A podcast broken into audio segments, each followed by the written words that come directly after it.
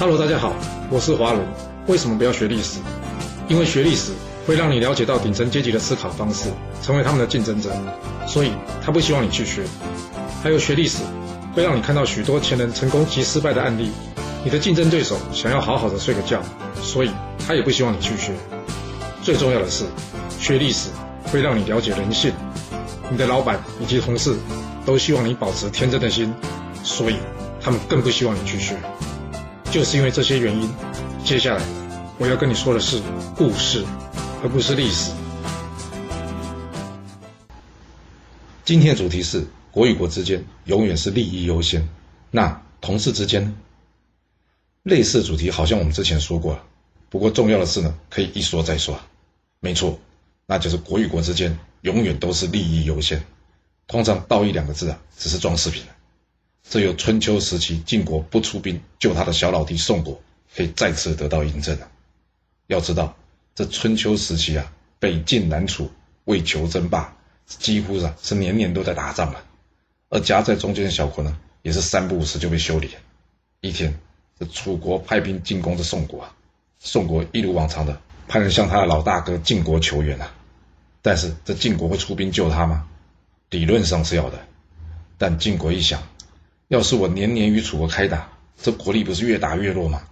所以晋国做了一个决定，他假装回复宋国说：“嗯，我们会派兵来救援你的，你们要坚持到最后啊。”换句话说，就是你宋国得尽力消耗楚国的战力，等呢你们跟楚国呢杀得两败俱伤的时候啊，到时候我晋国再在关键的时候呢补上一刀，这样就可以收割战胜楚军的战果了，而且同时呢。还可以保有出兵保护小老弟的美名，你看这不是两全其美吗？这可怜的宋国啊，就这样被晋国给糊弄了，最后战到了城中完全没有食物啊，还必须交换小孩子来吃。结果呢，晋军会出兵吗？哦，这晋军终于打算出动了，但好巧不巧，这时候晋国旁边的陆国国君也来求救了。晋国一想。哎，这是好机会嘞！我可以灭掉陆国啊！一旦灭了陆国，晋国国土将大增啊！哎，那宋国怎么办啊？哎呀，宋国就算这次战败投降楚国，我们下次再出兵打回来就是了嘛！比起可以轻轻松松拿下陆国，实在没必要去为宋国冒险跟楚军一战吧。决定之后马上行动。最后，晋国灭了陆国，而宋国呢？宋国战败，向楚国投降。要知道啊，这宋国啊，可一直是晋国忠心的支持者啊，也就是铁粉啊。怎么会遇到危机的时候，晋国竟然不来帮忙啊？哎，讲穿了就是两个字：利益啊。